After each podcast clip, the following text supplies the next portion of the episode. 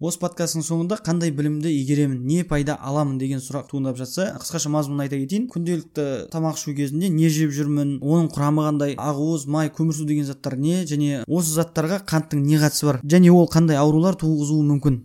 Осы бір қиын болып көрінетін сөздерді жалпы қиын сөздер деп айта алмаймын бірақ Ә, негізінен атын күнделікті естіп жүргенімізбен түпкі пайда зиянын көбіміз біле бермейміз сол себептен ә, осы подкастты жазуға бел будым. Және де осы подкасттың соңына дейін тыңдасаңыз мен сіздің өміріңізді бір жүз сексен градусқа дейін өзгертіп жіберемін деп айта алмасам да тоқсан градусқа бұрылатыны сөзсіз. Ендеше кеттік. Менің есімім нұрғазы. Және мен дәрігермін бүгінгі тақырыпты бастамай тұрып қанттың анықтамасын айта кетсем. Және осы анықтама сіз үшін бір жалпы сабақтың индикаторы болсын. Яғни анықтаманы қазір айтамын және қант тақырыбына жеткен кезде тағы да қайталаймын. Өйткені кейбір сөздер ә, сізге дәл қазір түсініксіз болуы мүмкін. Сосын тағы да бір айта кететін нәрсе мен не зат айтсам да барынша көзіңізге схема ретінде елестетіп отыруға тырысып көріңіз. Сонда түсініктірек және де қабылдау оңай болады деп ойлаймын. Ендеше бастаймыз. Қант бұл біздің ағзамызда қарапайым көмірсулардың жиынтығы атауы. Бірақ ә, жалпы түбінде моносахаридтерге айналады да ә, ол ыдырап глюкоза деңгейіне дейін жетеді түсіну қиын болып жатыр ма? Ендеше мен қазір жалпы тамақ мәселесін басынан бастап айтайын. Сол кезде сізге түсінікті болады деген ойдамын. Сен не жеп жүрсең солсың деп кезінде гиппократ айтып кеткендей күнделікті не жеп жүргенімізді зерттеп көрейік. Негізінен тамақ негізгі үш компоненттен тұрады. Белок көмірсу және май. Енді соның алғашқысы белокты айтатын болсақ белок ақуыз протеин деп әртүрлі айту әртүрлі кездесуі мүмкін. Негізінен бұл, бұлар барлығы бір затты береді. Яғни қазақшасы бізде ақуыз деп айтылады. Белок бұл ә, амин қышқылдардан құралған күрделі зат және күнделікті тамағымыздың алмаспайтын бөлігі болып табылады. Яғни біздің ағзамыздың құрылыс материалы десек сізге түсініктірек болады деп ойлаймын.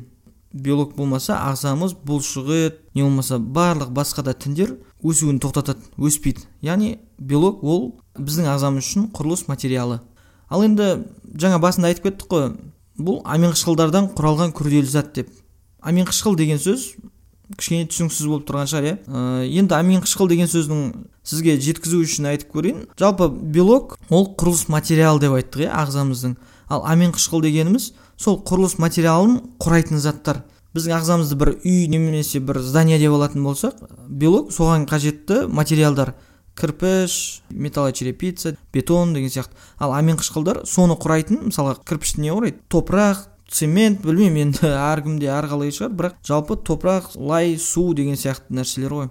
Вот сол амин қышқылы материалды құрайтын заттарды айтамыз. Яғни қысқаша айтқанда белок амин қышқылдардан құралған біздің ағзамыз үшін ең қажетті зат болып табылады. Енді осы белок біз үшін ең қажетті құрылыс материалы яғни біздің ағзамызды құрайтын материал болып табылатын болса енді оны біз қайдан аламыз деген сұрақ туындайды иә біз белокты екі жақтан аламыз. Біріншісі жануарлардан.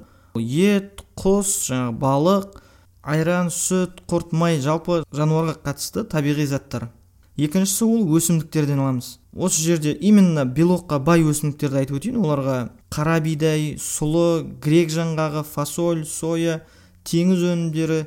Жалпы біз жиі жағдайда көп пайдалана бермейтін заттарда белоктар көп кездеседі. Бұл деген басқа заттарда белок жоқ деген емес осы заттардың құрамында белоктың мөлшері көп болады және де сапалы болады деген мақсатта айтып жатырмын. Басқа заттарда да болады иә әрине белок бірақ аз мөлшерде кездеседі. Белок деген осы. Ендігі компонент ол көмірсу деп айтылады. Көмірсу орысшасы углевод. Көбіне осылай естіген боларсыз. Көмірсу деген не? Жалпы белок ағзамызға келіп тұрған материал деп айттық иә? Материал бізге келіп түскеннен кейін оны жұмсау үшін бізге энергия керек болып табылады иә? Қысқаша айтқанда келген материалды жарататын құрылысшылар мен тасымалдаушылар деп айтсақ түсініктірек болады деген ойдамын. Яғни біз үшін белок деген материал келді оны жарату керек енді. Вот осы жарату қызметін көмірсу атқарады. Көмірсудың екі түрі бар. Қарапайым немесе жылдам деп айтылады және күрделі. Қарапайым көмірсулар тез сіңіріледі қандағы қанттың мөлшерін жоғарылатады сосын зат алмасу процесін бұзады және ағзада артық майдың жиналуына себеп болады. Қазіргі кезде өте көп қолданыстағы заттар жатады. Почти күнделікті жеген тамағымыздың барлығында осы заттар кездеседі. Тамақ саласындағы маркетологтар өте жақсы көретін дүние ғой. Қысқаша айтқанда дым жұмыс жасамайтын құрашин әңгіме айтып ә, жұмысың бітті ма бітті етіп апай топай бітіруге тырысып кететін строительдер ғой. Оларға енді күнделікті тамақта кездеседі деп айттым ғой. Соларға жататын заттарға газировка кола поланың барлық түрлері сосын жаңағы әртүрлі сусындар ақ нан өнімдері жалпы тақырыбымызға жататын осы қант именно қарапайым көмірсуларға жатады. Ал енді күрделі көмірсулар дегеніміз күрделі көмірсулар керісінше бізге ең қажетті энергия көзі болып табылады. Яғни олар ағзада баяу сіңіріледі және баяу жұмсалынады. Қарнымызды біраз уақытқа дейін тоқ ұстап тұруға көмектеседі. Сосын артық салмақтың жинақталуына алып келмейді. Қазақта сөз бар ғой асықпаған арбамен қой айналады деген. Сол сияқты асықпай анық басатын құрылысшы десек есіңізде қалады деген ойдамын. Күрделі көмірсуларды біз қайдан аламыз күрделі көмірсулар бұршақ дақылдарынан арахис нут яғни нохат деп айтады бізде оңтүстікте көп жейді оны. Фасоль чечевица соя тағы басқа білетін бірақ қолданбайтын заттар ғой. Сосын жаңғақтың түрлері. Біраз түрлерін айтуға болады. Греческий не болмаса жер жаңғақ. Толық қазақшасын аудара алмадым мен бірақ оларға кешью фисташки арахис фундук миндаль. Тағы қандай жаңағы түрлері бар еді? Сол жаңғақтың түрлерінің барлығы. Қара нан әсіресе қара нан көбіміз айтамыз ғой мысалы қара нан пайдалы бірақ негізі не пайдасы бар екенін біле бермейміз ғой. Вот қара нанның пайдасы осы. Күрделі көмірсу тобына жатады да баяу қорытылады әрі энергияны да тұрақты түрде беріп отырады. Егер де қаласаңыз күрделі көмірсуларды қайдан көре аламын толық мәліметін десеңіз гуглға жазсаңыз болады онда күрделі көмірсу қарапайым көмірсу барлық түрлерін көрсетіп береді сізге. Тамағымыздың құрамына кіретін келесі топтағы заттарға майларды жатқызуға болады. Негізі қатты бір анықтама қажет ететін зат емес бірақ сонда да айта кетейін майлар бұл біздің ағзамыздағы запас энергия яғни қазақшасы энергия қоры болып табылады. Және кей жағдайларда материалдың да рөлін атқарады яғни көмірсудың де белоктың да қызметін атқарады деген ғой. Яғни бізде тамақ жеткіліксіз кезінде ауырып қалған жағдайда аз мөлшерде тамақ жесек не болмаса көп мөлшерде жесек те тамағымыздың бір оның құрамында жұғымды заттардың болмауының нәтижесінде біздің ағзамыз күш қуатты яғни строительдерді осы майдан алады. Сонымен қатар майлар біздің қан тамырларымыздың құрылымының жақсы болуы үшін қажет. Сосын пайдалы заттардың тіндерге оңай сіңісіп кетуі үшін көмектеседі. Терінің шаш тырнақ секілді дәнекертінді заттардың құрылысы үшін қажет. Оны да белоктар сияқты екі заттан аламыз. Біріншісі жануардың заттары яғни оларға құйрық май қазы қарта іштің май сырттың май деген сияқты жалпы сол майларды атап өтуге болады. Екіншісі өсімдіктерден аламыз. Оларға жаңағы әртүрлі жаңғақтарды айтуға болады. Сары май маргарин ірімшік секілді. Жалпы негізі сіздің түсінігіңізде май деген ол іркілдеген май ғана емес тамақтың құрамында кездесетін аз мөлшерде болса да бір компонент деп қарасаңыз болады. Енді бізге бұлардан бөлек микроэлементтер және көптеген дәрумендер қажет болып табылады. Олар жайлы келесі жолы айтармын негізі енді негізгі тақырыпқа көшейік. Қант деген не? Қант бұл біздің ағзамыздағы қарапайым көмірсулардың жиынтық атауы. Бірақ жалпы түбінде моносахарид деген затқа дейін айналады және ол ыдырап глюкоза деңгейіне дейін жетеді. Ал глюкоза дегеніміз осы энергия яғни топливо болып табылады. Осы уақытқа дейін енді айтқандардың ішінен түсінгеніміз қант ол көмірсу иә? Яғни энергия көзі болып табылады. Енді осы қант қандай аурулар туғызуы мүмкін? Ол мөлшерден көп қолданған жағдайда не болмаса жиі пайдаланудың әсерінен дамитын ауруларды атап өтейік. Қантты көп қолданудың салдарынан дамитын аурулардың жиынтығын метаболикалық синдром деп айтамыз. Синдром деген ол әртүрлі майда кіші аурудың белгілерінің бірігіп жинақталып әкелген үлкен ауруды немесе майда аурулардың жинақталып алып келген жалпы ағзаға тигізетін аурулар комплексі десек түсініктірек болады. Енді метаболикалық синдром дегеніміз ол май көмірсу алмасуының бұзылысынан дамитын ауру болып табылады. Метаболикалық синдромға жататын ауруларды айтатын болсақ оларға қант диабетінің екінші типі артериялық гипертензия яғни давление деп айтамыз ғой. Сосын семіздік жүректің ишемиялық ауруларын жатқызамыз. Енді осылардың әрқайсысына кезекпен тоқталып өтейік. Алғашқы ауру ол қант диабетінің екінші типі. Қазір қант диабеті және де оның екінші тип не үшін екінші тип екенін түсіндіріп өтемін қант диабетінің екінші типі дегеніміз ағзадағы ұйқы безі арқылы бөлінетін инсулин деген заттың төмендеп кетуі не болмаса мүлдем өндірілмей қалуының әсерінен дамитын ауру. Бізде асқазанның астында ұйқы без деген мүше бар негізі аты затына сай емес деп ойлап жүретін сөйтсем осы жақында естіп қалдым. Қазақтар кезінде ұйқы бездің атын ағзада инсулиннің жетіспеушілігі салдарынан адам комаға кетіп қалуы мүмкін. Кома деген яғни ұйқы өлім алдындағы ұйқы демалатын емес. Сол ұйқыны негіздеп осы ұйқы без деп ат қойған дейді. Бірақ енді оның қаншалықты шындыққа жанасатын жанаспайтынын білмеймін. Бірақ мүшенің аты қазақшасы ұйқы без. Орысшасы поджелудочная железа деп айтады. Сонымен ұйқы безі бірнеше қызмет атқарады. Біріншісі тамақ қорытуға қатысатын сөл бөледі яғни ол бауырдан келетін өтпен қосылып осы ұйқы безінен бөлінетін сөл он екі шекке тамып асқазаннан келген тамақты қорытады. Екінші қызметі ол эндокриндік қызметтер атқарады. Қандағы қанттың мөлшерін қадағалап және де сол қантты яғни глюкозаны клеткаларға жасушаларға кіргізіп беру қызметін атқарады. Ол үшін ұйқы безі екі түрлі гормон бөледі. Біріншісі глюкагон екіншісі инсулин. Глюкагон ол қанда қанттың деңгейін өлшеп отырады. Егер де қанда қанттың мөлшері жоғарылап кетсе глюкозаның мөлшері не болмаса біздің ағзамызға көп мөлшерде қант түсе бастаса соны алып бауырда жинақтайды қор ретінде. Қара күнге деген сияқты ғой. Яғни қанда глюкоза деңгейі өте төмендеп кетсе осы қордан алып оны жаратады. Бірақ ол көп мөлшерге көп күнге дейін жарайды деп айта алмаймын. Өйткені ол максимум бір үш күннің көлеміндегі күшті бере алады. Екіншісі инсулин. Инсулиннің қызметі жаңағы қант глюкоза деңгейіне дейін ыдырайды деп айттық қой. Сол глюкозаны майда жасушаларға кіргізіп беру қызметін атқарады. Яғни қанда глюкоза жүреді соған инсулин келеді де клеткалардың есігін ашып береді. Егер де инсулин болмаса глюкоза ешқашанда клеткаға кіре алмайды. Егер глюкоза клеткаларға кірмесе онда клеткаларда жұмыс атқара алмайды. Және де жұмыс атқармаған клеткалар шамалы уақыттан кейін өле бастайды.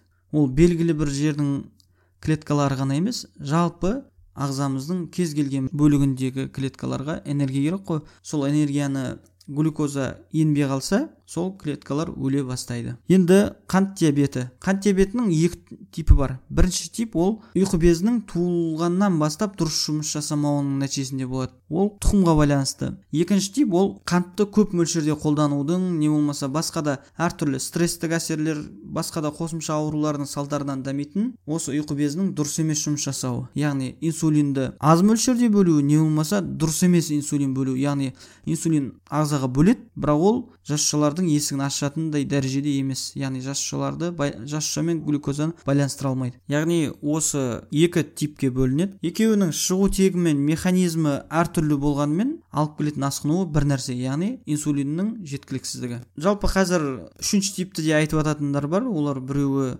гестационныйды яғни жүктілік кезінде болатын қант диабетін не болмаса біреулер жүйке жүйесінің дұрыс жұмыс жасамауының салдарынан дамитын қант диабетін айтады. Бірақ негізі әлі қабылданбаған нәрселер. Біздің тақырыбымызға сай келетіні осы. Именно екінші типті қант диабеті. Бұл көбіне 30-40 жастан бастап асқан кісілерде дами бастайды. Бұрында айтатын еді тек қана 40 жастан асқан жағдайда ол кезде енді қантты қазіргі деңгейдегідей көп қолданбайтын болған да ал қазір біздің тамағымыздың 80-90 пайызында қант кездеседі. Соның әсерінен ол ауру жасарып бара жатыр. Так енді артериялық гипертензия. Артериялық гипертензия деген давление ғой. Көбіміз білеміз бірақ та сіздің біліміңізді жетілдіру үшін және де осы тақырыпты естіген кезде сізге түсінікті болу үшін пысықтап айтып өтейін. Жалпы артериальная гипертензия деген не? Артерия деген не? Артерия ол біздің ағзамыздағы тамыр яғни өзі екі түрлі тамыр бар ғой. Артерия и вена деген. Қызметіне байланысты осы екі түрлі тамыр бар. Артерия и вена. Ә, артерия дегеніміз ол біздің ағзамыздағы қажетті заттарды әкелуші тамыр болып табылады. Яғни пайдалы нәрселерді гормондар қорытылған заттар жалпы біздің ағзамыз үшін өмір сүру үшін қажетті заттардың барлығын майда там, клеткаларға жеткізуші қызмет атқаратын тамырлар олар артерия деп айтылады. Капилляр деген тамырлар бар ол артерия мен венаны байланыстыратын майда тамырларды капиллярлар деп айтады. Артерияның ішінде давление күшті болады.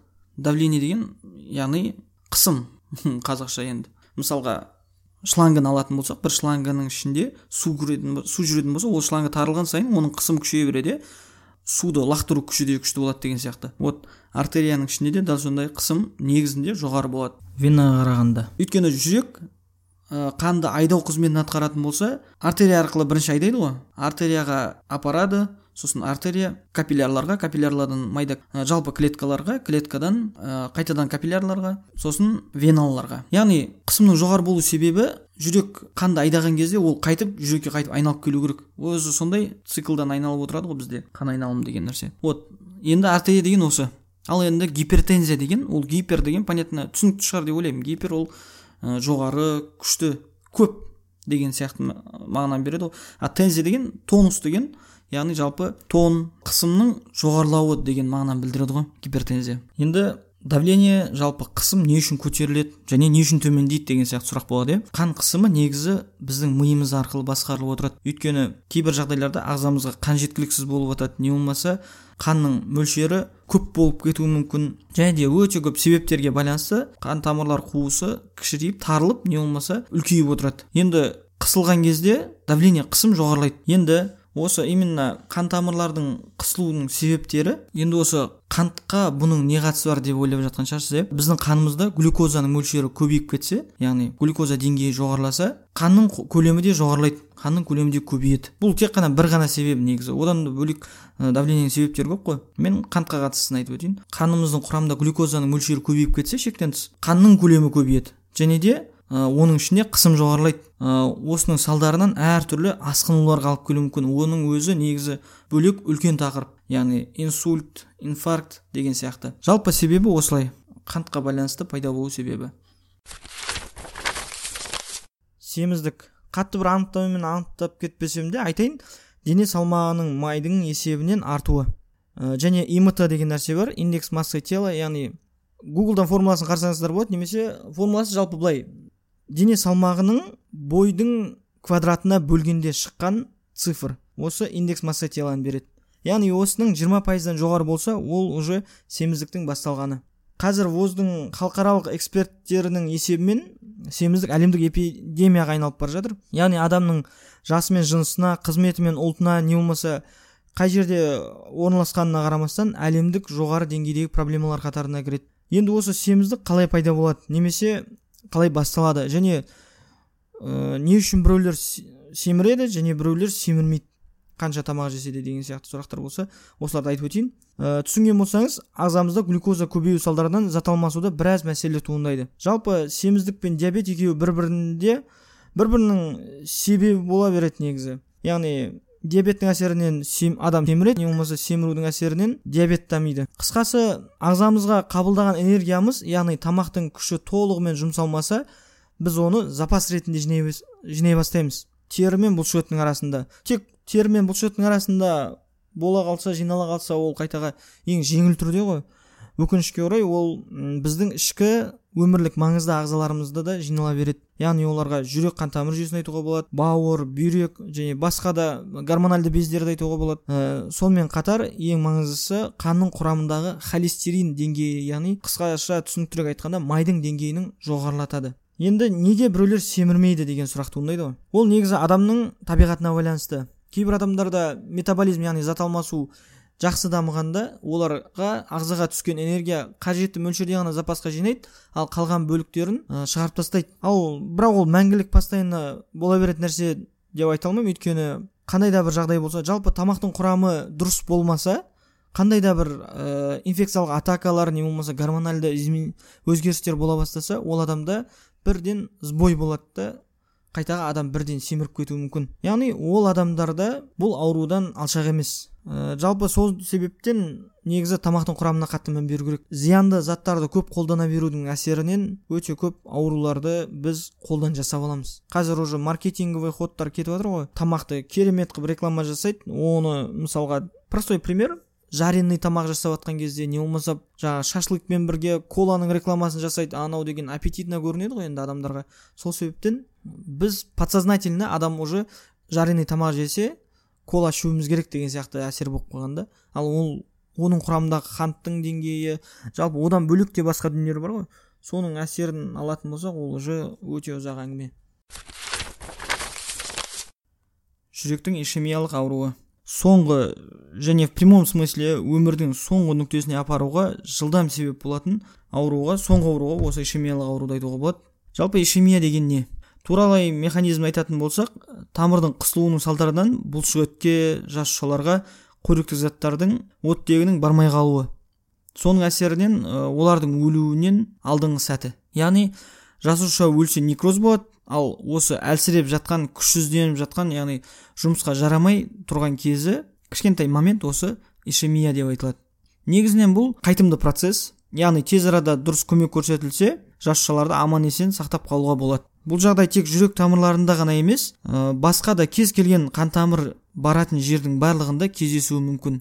Бірақ ең қауіптілері осы жүректе мида болатындары яғни ә, мида дамитын болса ишемиялық инсульт дамуы мүмкін мидың қан тамырларында болса. Ал жүректе болса жүректің тамырлары бар коронарлық тамырлар деп айтылады. Сол тамырларда болса ол стенокардия яғни жүректің қатты қысып ауырсынуы яғни не болмаса жүректің ишемиялық ә, шабуылдарын айтуға болады. Қант диабеті кезінде ишемиялық тамырларды аяқтың тамырларында да жиі кездесіп жатады соның салдарынан гангренаға дейін асып барып қалуы мүмкін.